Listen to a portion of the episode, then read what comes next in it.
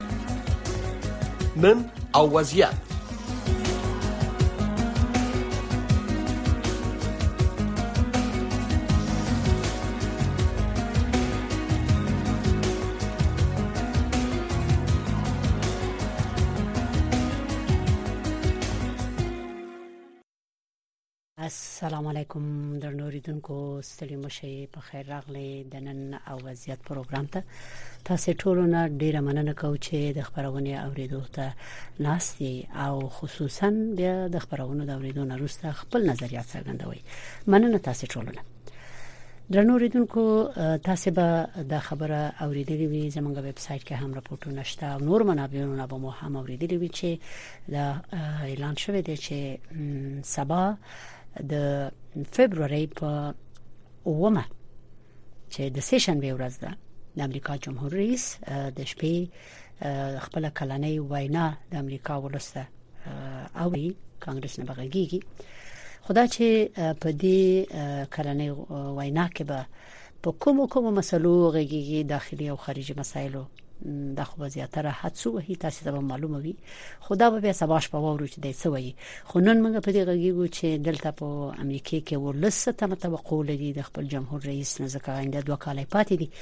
چې دا به په دې دوه آینده کلونو کې څه کوي کومه مسلې ورته مهمه دي بل دا چې خارجي سیاست کې به د اجنډا سوي کوم مسلو ته به پام وي او که فرزند افغانستان مثلا پکې طرح شي سبا د په وینا کې او په وغږیږي نو څه به وایي په دې برخه کې تاسو فکر کوئ کنه زمونږ سره دا سوال د ډیر اوریدونکو سره چې د آینده دوه کلونو کې به د دې پلان او پروګرام سوي د امریکا نو موږ په دې مسلې باندې د بحث د لپاره او د یو تحلیلګر د سیاست د ډاکټر او د بین المللي حقوقي سیاسي چارو کارپو د ډاکټر حکمت الله حکمت نه غوښتي دي چې هغه په دې پروګرام کې برخه واخلي او خپل نظر او تحلیل وړاندې کړي ترڅو تاسو هم واوري او تاسو به خپل تحلیل وکړي خه زه به تاسو په اجازه درنوریدونکو د خپل محترم ملما احوال واخلم ډاکټر صاحب حکمت الله حکمت ستړي مشه پروګرام ته په خیر راغلی سلامونه او درنښت تاسو تاسو ټول همکارانو او ریدونکو ته اولی خادم مننه تاسو نه ډاکټر صاحب محترم تاسو ته خو حالات معلومیږي او همیشه ساري حالات خپل تحلیل او تفسیر لري زه غواړم تاسو په نظر باندې پوه شم زموږ اوریدونکو اوریده د امریکا جمهور رئیس جو بایدن سبا شپه ملت وینا کوي دا چې د تیر دوه کلونو کې کم غټ کارونه شوي دي ولس څومره راضي دي د دوه اجنډا څه ده دا یو مسله ده همداسې د د د خارجي پالیسۍ په برخه کې هم دنیا څه توقع لري ولس څه توقع لري د افغانستان مسله ده د اوکرين مسله ده خو ډېری موضوع مسلې دي څه توقع لري او تاسو څه فکر کوئ نو اوله خبره خو همدا ده چې سکهاله د د جمهوریت غوښتونکو ګوند د سي اکثریت کم نه ده ولسی جرګه کې هغه کې نو څه مشکلات به پکې وي په دلته د قوانینو په برخه کې مسایل او بحثونو کې بل در چې د جمهوریت غوښتونکو غړی مکارتی به د د شاته ناس وی سبا شپل ته کانګرس کې او جمهور رئیس به وینا کوي ځکه هغه خو د جمهوریت غوښتونکو د ګوند غړی دی او په ولسی جرګه کې بیا د اکثریت ګټلې او دا به رئیس وي دی هغه رئیس دی چه څه تمه توقع لری دا خلک په دقت خو به څارل کیږي ته څه وایې چه سبا به اول جمهور رئیس بایدن په دې خپل خبرو کې د اجنډا باندې چې غږیږي د غټ ټکی بسوي ستاسو په فکر بیا هم سلامونه او درنښت تاسو ته د امریکا اوسنۍ دیموکرات ټیم چې قدرت لري پراس کې د امریکا تر ټولو مجرب سیاسي شخصیت جوبایډن قرار لري په حقیقت کې د حالاتو په چړلو سره په خپل کورنی سیاست کې هم بریاوي لري هم شاتګونه لري اوکي صحیح په کې د کورنی سیاست خره را شروع کو د د په لومړی ورځو کې د وکولای سو چې د کووید په وړاندې باندې موافقانه مبارزه مخته بوزي د واکسیناسیون پروګرام مخته بوتلی په لومړی شپږ میاشت کې د بیکاری کچه ډیره راټیټه کړل سره د دې چې وس د بیکاری کچه دغه پرون د احصایه 3.4 ده ولی ولی په ورته وخت کې د کورنی سیاست کې ماتې هم وخوړلې د پمنځلي ټاکنو کې دواړي جرګګي د امریکا د پارلمان د لاس ورکړلې یعنی د جمهوریت خواهانو په اختیار کې ولویدلې په لومړي په لومړي ځل باندې د امریکا دولتي پور 10 بلیونه ته واوښتل یعنی د د دوه زره او شل څخه بیا تر اوسه پورې اووه بیلیونه نور پر دغه پور باندې زیاتوالی راغلی چې دا د امریکایانو پر اقتصادي ژوند باندې طبعا تاثیر لري په همدې توګه باندې د ارزه د ډالر ارزښت په نړیواله کچه باندې راټیټ شوی دی او تر ټولو خلا بده دا چې د ډالرو راکړه ورکړه په نړیواله کچه کې د جو بایډن د رقیبانو له خوا څخه د جدي ستونزو سره مخامخ کیږي نو دا سه هوادونه دي چې په خپل ملي کرنسي باندې تعاملات کوي د دې ټولو سره سره بایدن هغه څوک دی چې د خپل ژوند د لومړی ځواني څخه د سیاست سره کار درلودلی دی د امریکا په پارلمان کې پاتې شوی دی مرستيال ولسمشر پاتې شوی دی د نړۍ په سیاستونو کې ډیر وارد سیاست دی ولې دا هم مې یروي چې د د سینوسال د د پر شخصي کریکټر باندې د امریکایانو په سترګو کې او د نړیوالو په سترګو کې تاثیر لري چې دا استدام یو هغه علت چې د محبوبیت دومره نه دی لکه په لومړي کال باندې چې اوس تاسو سره مقایسه کړئ نو تاسو ویل چې ځینې کامیابی او ځینې کارونه چې هغه یې سل په سلو کې کامیاب نو نو دا خو تاسو بیان کړل درست او وسوي چې د لومړي کال کې یو اندازه مګر روسته بیا د محبوبیت کم شو دا د محبوبیت د کمیدو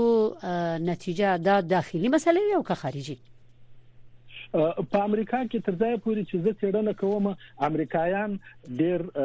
ریالیستیک او آګاه خلک دي هغه قضاوتونه پر خبرو ډیر نه کوي بلکې پر کړنو یې کوي د امریکایانو اقتصادي وضعیت او د امریکایانو نړیوال ایمیج همدا دلیل دی چې امریکایانو په منځنوي ټاکنو کې دیموکراتانو ته رائے ورنکړل اوس اوس د جو بایدن محبوبیت هغه کچ نه دی چې په لومړي سر کې وو ولی اوس دی ډېر قوي ټیم د ځانه سره لري، دغسې کسان لکه د ده د بهرنیو چارو وزیر، لکه د ده د امنیت د شورا رئیس او د ده مرستیال معاون، دا هغه څوک دي چې د ده ټیم یې لا هم ډېر قوي ساتلی دی، هم په کور دننه سیاسي مسایلو کې، هم په نړیوالو معاملو کې. ولې په تعصب سره چې د امریکا نړیوالو رقیبانو، خصوصا چین او روس په خپل سیاستونو کې د امریکا د ماتې لپاره جدي اقدامات وکړل امریکا یې وننګوله په نړیواله کچه باندې په سیمه ییزو ننداریو کې خصوصا د اوکراین جګړې د امریکا پر وسنی حاکم ټیم باندې سره د دې چې دوی موافقت بولي د اوکراین ملاتړ کوي ډیر منفي اغیز ځکه کړی دی چې د امریکا د بودیجې څخه د امریکا د مالیه ورکونکو د پیسو څخه په میلیاردونو ډالر هره میاشت د اوکراین جګړې ته لیږل کیږي، داسې یوه جګړه چې تر اوسه پورې یې د بریا څرک هم نه لیدل کیږي. په دغه ځای کې نړیوال تحلیلګران چې زه څیړم پر جو بایډن باندې ځکه نیوکه کوي چې جو بایډن د جګړې لاره خلاصه پریښې ده، د مذاکراتو او ډیپلوماسۍ لاره یې بنده کړې ده، کوم څه چې د امریکا په سیاست کې ډیر لوی زر امریکایانو ډیر لوی ستونزې په ډیپلوماسۍ باندې حل کړې دي. په جګړو باندې نه ولې نن په نړیواله کچه باندې هم د چین سره هم د روسانو سره د ډیالوګ پروسه د جو بایدن په سیاست کې لومړیتوب نه لري کېدای شي یو دلیل هم دا وي چې دته په نړیواله کچه باندې او په کوردنونه کې د داسې چا په سترګه نه کتل کیږي چې په راتلونکي ټاکنو کې کېدای شي د په قطعي توګه بریالي وګڼل شي ښه د انتخاباتو خبره ته خو به رې شروع ست خدای چې تاسو یاد کړه هغه خو لا وخت شته ورته خو مبارزه ورته د اوس روان دي خو کوششونه ورته روان دي خو رب شو دي چې تاسو ویل چې د جګړې لارې خلاصه پریخي دا او ډیپلوماسي لارې تړلې ده صحیح نو تاسو فکر کوئ چې د دنیا دغه اوسنۍ روان سیاسي او نظامی وضعیت په جګړه حل کېدای شي او که په ډیپلوماسي تاسو خو ویل چې دا دومره وخت دغه امریکا د ډیپلوماسي لار لرله د هیوالې د جګړې لار نیسی او که د جګړې لار نیسی نو بیا تاسو د افغانستان د مسلې په برخه کې څه فکر کوئ دا اوس کوم بحران چې په افغانستان کې روان دی په حقیقت کې خو تاسو په پښتنه کې یو ډیر لوی سیاسي منطق د تحلیل په کچه رانغښتې دی هغه دا چې نړیوال نظم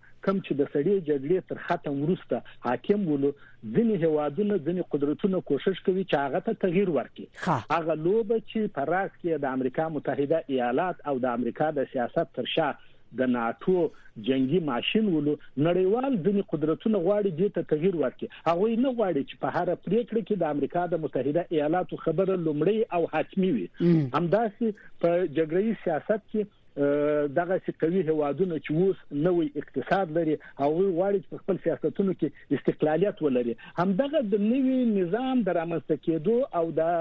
سړې جګړې را پدې خو د نظام د تغییر د لپاره امریکایان هڅه کوي چې په دې کې تغییر رانیسي بلکې په انانوي توګه دا پاتې شي د دغې په وړاندې باندې اوس دوه هیوادونه په حقیقت کې سرکشي کوي چې روسیه په سیاسي او جګړه ییز لحاظ باندې دی چین په اقتصادي لحاظ باندې دی ځکه نو د امریکا په سیاستونو کې کله کله تاسو چې داسې کوي نه چې هغه ډیر جګړه ییز علت هم دا دی چې امریکا اجازه نه ورکوي چې چین په نړیوال سیاست کې لومړی خبره ولري هغه په اقتصادي لحاظ باندې هم کوي د روسانو په وړاندې باندې بله بله د روسانو په وړاندې باندې هم عکس العمل د امریکایانو په دې خاطر دی چې که چیرې روس د اوکراین جګړه ګټي نو بیا روس داسې یو نظام غواړي چې مثلا د شوروي په پخواني جمهوریتونو کې د امریکایانو نفوذ راکمول غواړي د ناتو نه پرې شودل خپل پلو ته غواړي او یا هم مثلا د ستراتیژیک سلا کنټرول غواړي ځکه نو په حقیقت کې د ستراتیژیک لوی ګټو لپاره امریکا د دغه لوی قدرتونو په وړاندې باندې په عملی اقتصادي سیاسي او پوځي جګړه بوخته ده ښه اوس چې دا سبا ته د د به اجندا سوي سبا وایي دا خو به سبا ته پریږدو دا خبره خو مخکې د دې بری شو دي ته چې د افغانستان نوم به د یاد کې په افغانستان به وغږیږي یا نه ځکه چې هر جمهور رئیس چې راځي خپل کلنې وینا کوي زیات تمرکز په داخلي مسایلو باندې وي ته څه فکر کوي زه فکر کوم چې دوی به په خپل وینا کې هارو مرو هغه بریالیتوبونه چې شمیر یې ډیر زیات دي دوی به ګوته ورته ونیسي چې امریکایان دې ته متوجي کی چې د خپل دغه تیر ماموریت کې هغه څه کړی دي چې پرشتیا سره د ستایلو وړ دي په څنګه کې به پر ستونزو باندې وژغېږي د ستونزو د پاره به د حل لارې وړاندې کړي د افغانستان په اړوند باندې زه ډیر باور نه لرم چې دوی ډیر څه وایي ځکه چې د امریکایانو وتل د افغانستان څخه د افغانانو او د امریکایانو د عامو افغانانو او امریکایانو په سترګو کې یو ناکامه پروسه ول سره د دې چې په هغه وخت کې پنتاګون وویل چې په لومړي ځل باندې موږ د هوایي لارې څخه تر یو سلوشل زره پورې خلک وژغورل چې دا ډېر لوی ماموریت ول بلې دا وو ولې راوتل او د افغانستان سیاسي حاکمیت یوې جنگي ډلې ته سپارل بل د قطر د پروسې څخه دا د افغانانو د پاره په قطعي توګه باندې د امریکایانو له لوري څخه ناغېړي ګڼل کیږي او امریکایان هم دې ته متوجي دي چې د ماموریت دغه سي ختم خصوصا تاسو خو اوس وینئ چې جمهوریت خواهان حتی تر دې پوري چې بایدن تهدیدوي چې باید د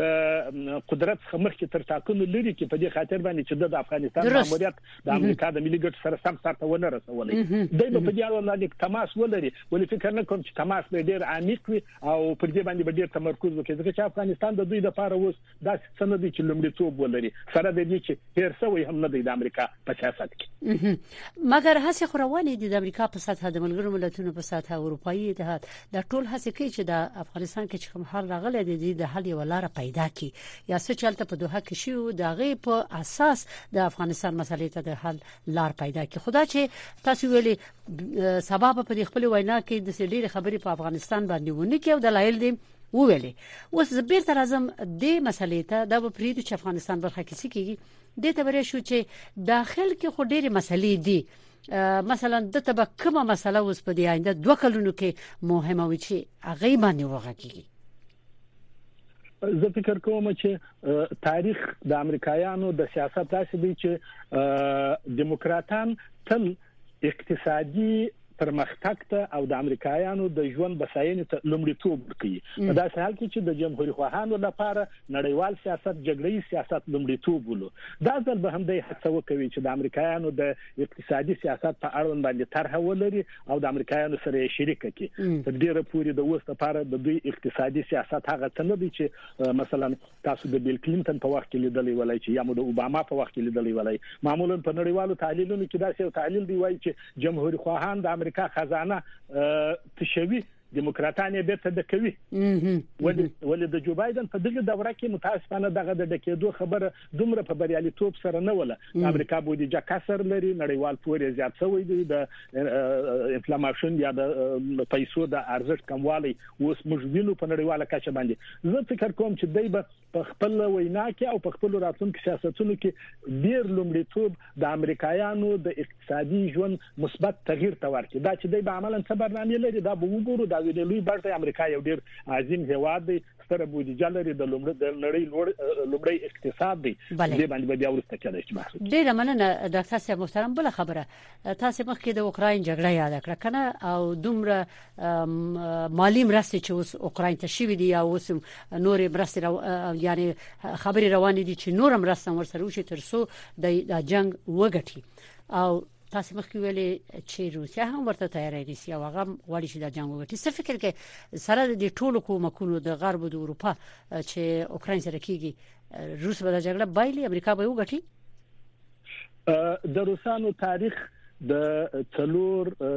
سلیزو څخه را پدې خو باندې د جګړو د باغ تاریخ نه دی امریکایان او غرب باید دې ته متوجي وسی یعنی ګټي همیشه یعنی دوی همیشه ګټي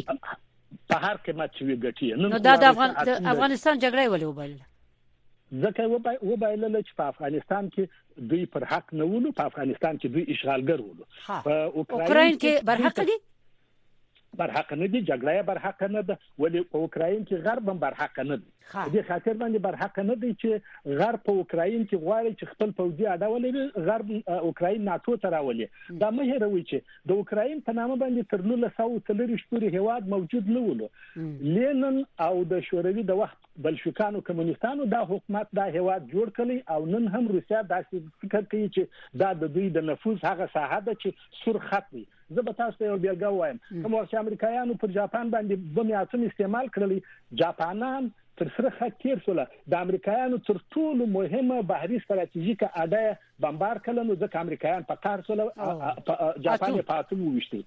سیواستوپل سیواستوپل د شوروي او د ننۍ روسیې تر ټولو مهمه ستراتیژیکه اتمی بهري اډه ده د کریم د لاس ورکړي روسیه په دې معنا ده چې روسیه سقوط کوي روسیه داسې سقوط فکر کوم چې ونه مني هر وحشت تطللی شي ولی اوکراین یو مستقل هواد به طرفه د ناتو څخه پرته د روسانو لپاره د منلو دی مګر غرب د روسیې کمزوري کېدل غواړي او ډېر کمزوره کړي د په اقتصادي لحاظ باندې هم په فوزي لحاظ باندې ولی زما دا بحث تاسو سره وی چې دا جګړه غرب نشي ګټلای روسیه په لوړ قیمت باندې ګټي او بشریت ته دا پتاوان تمامېږي شته چې ډیپلوماسي شروع شي او دا ډیپلوماسي جو بايدن شروع کړي چې پوتين مجبور کړي چې د اوکراين حاکميت ته د اوکراين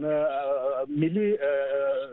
جغرافيا ته درناوی وکړي او جګړه ختمه کړي ډاکټر صاحب نو ته فکر کوي چې جو بايدن به دا هڅه وکړي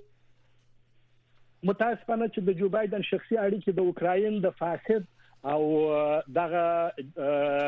ټیم سره چې په فساد کې غرق دي د افغانستان د وخت جمهوریت د اوکراین اوسنۍ حاکمیت ډیر په فساد کې غرق دي پرون نور مورز رسانوي راپور ورکړي چې تر 2 میلیارډ پورې واځي د دفاع وزیر غلا کړې ده په قراردادونو په دی او په هاکي بنا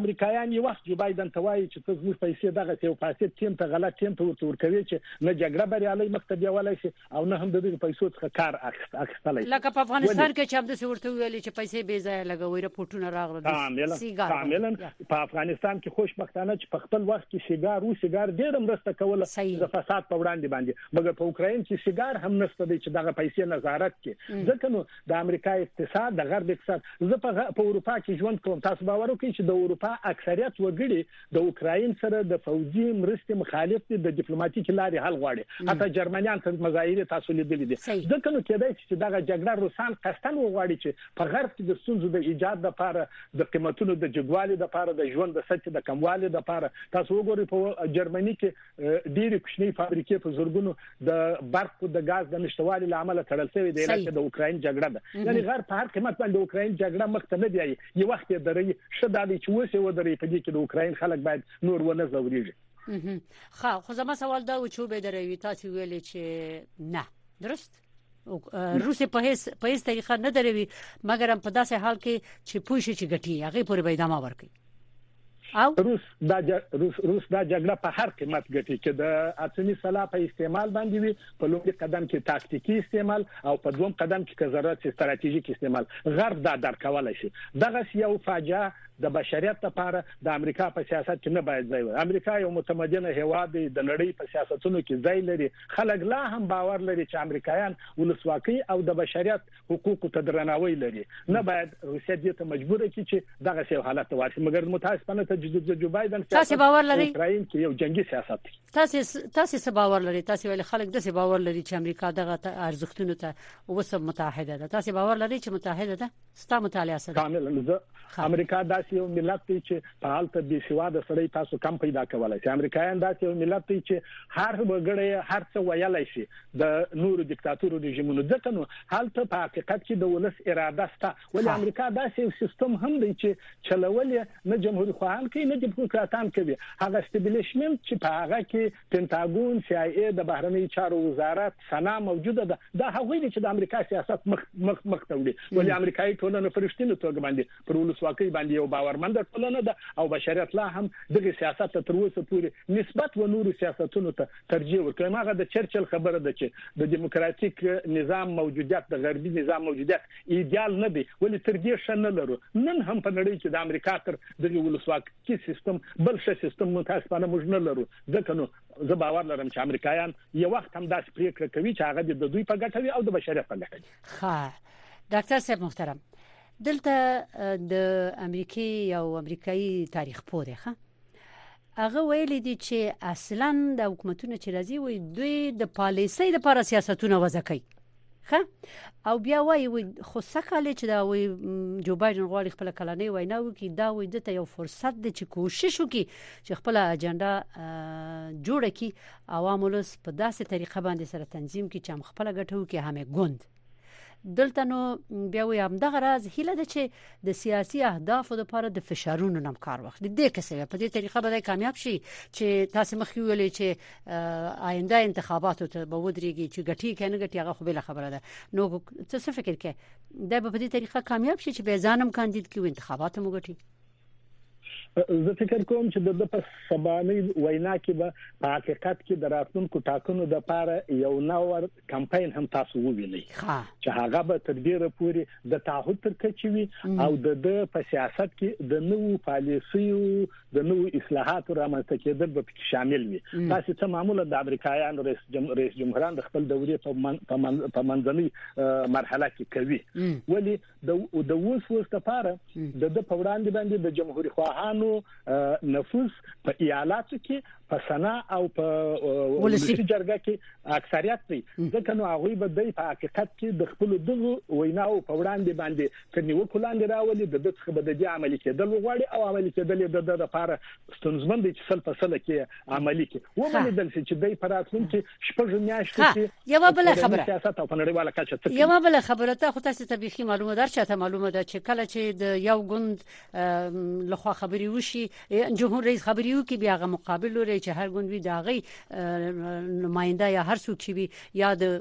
جرګي رئیس وي هغه راځي بیا خبري کوي کنه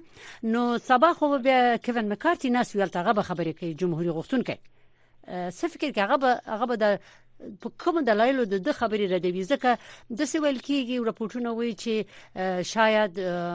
د سخت جنین په برخه کې د پولیسو په قواو کې د اصلاحاتو په مسلې او